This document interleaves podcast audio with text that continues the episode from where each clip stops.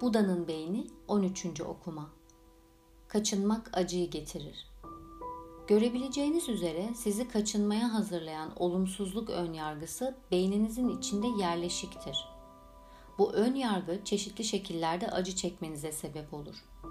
Öncelikle arka planda sürekli sevimsiz bir endişe hissi yaratır ki bu bazı insanlar için epey yoğun olabilir beyin bir sorun olup olmadığını görmek için sürekli tarama yaptığından endişe hali kişinin öz farkındalık veya derin düşünme pratikleri için dikkatini içeri çevirmesini zorlaştırır.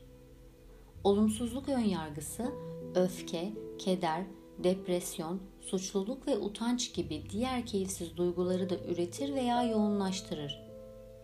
Geçmişteki kayıp ve başarısızlıkları vurgular, mevcut becerileri küçümser gelecekteki zorlukları abartır. Bunun sonucunda zihin sürekli bir kişinin karakteri, tavrı ve potansiyeliyle ilgili olarak haksız hükümlerde bulunma eğilimindedir. Bu yargıların ağırlığı sizi gerçekten de yorabilir.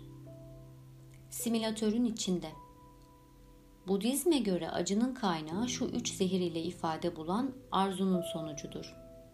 Açgözlülük, nefret ve yanılsama. Bunlar en geçici ve belirsiz olanlar da dahil olmak üzere oldukça geniş kapsamlı düşünceleri, sözleri ve edimleri içeren güçlü geleneksel terimlerdir. Açgözlülük ödül peşinde koşmak, nefret de cezalara duyulan tiksintidir. Her ikisi de daha çok zevk, daha az acı arzusunu içerir.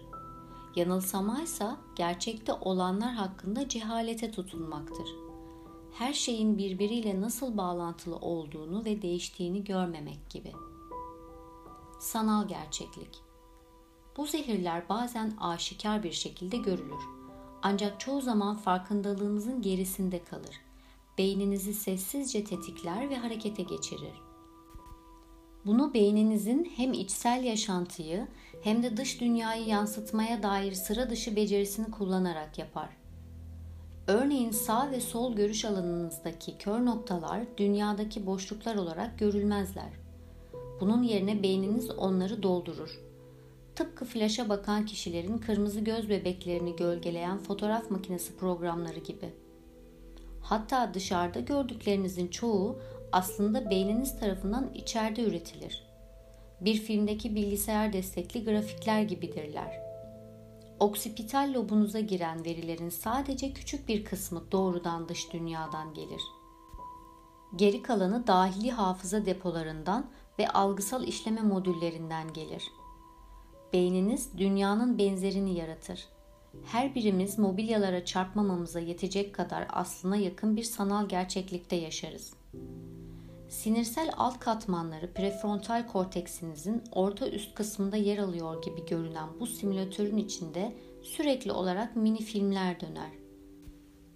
Bu kısa klipler bilinçli zihinsel aktivitenin büyük kısmının yapı taşlarıdır.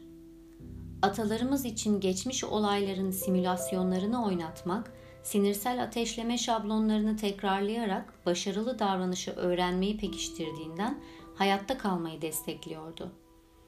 Gelecekteki olayları simüle etmek de buna katkı sağlıyordu.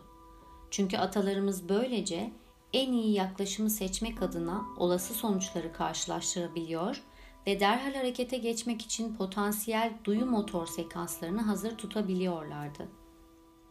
Geçen 3 milyon yılı aşkın sürede beyin 3 kat büyüdü.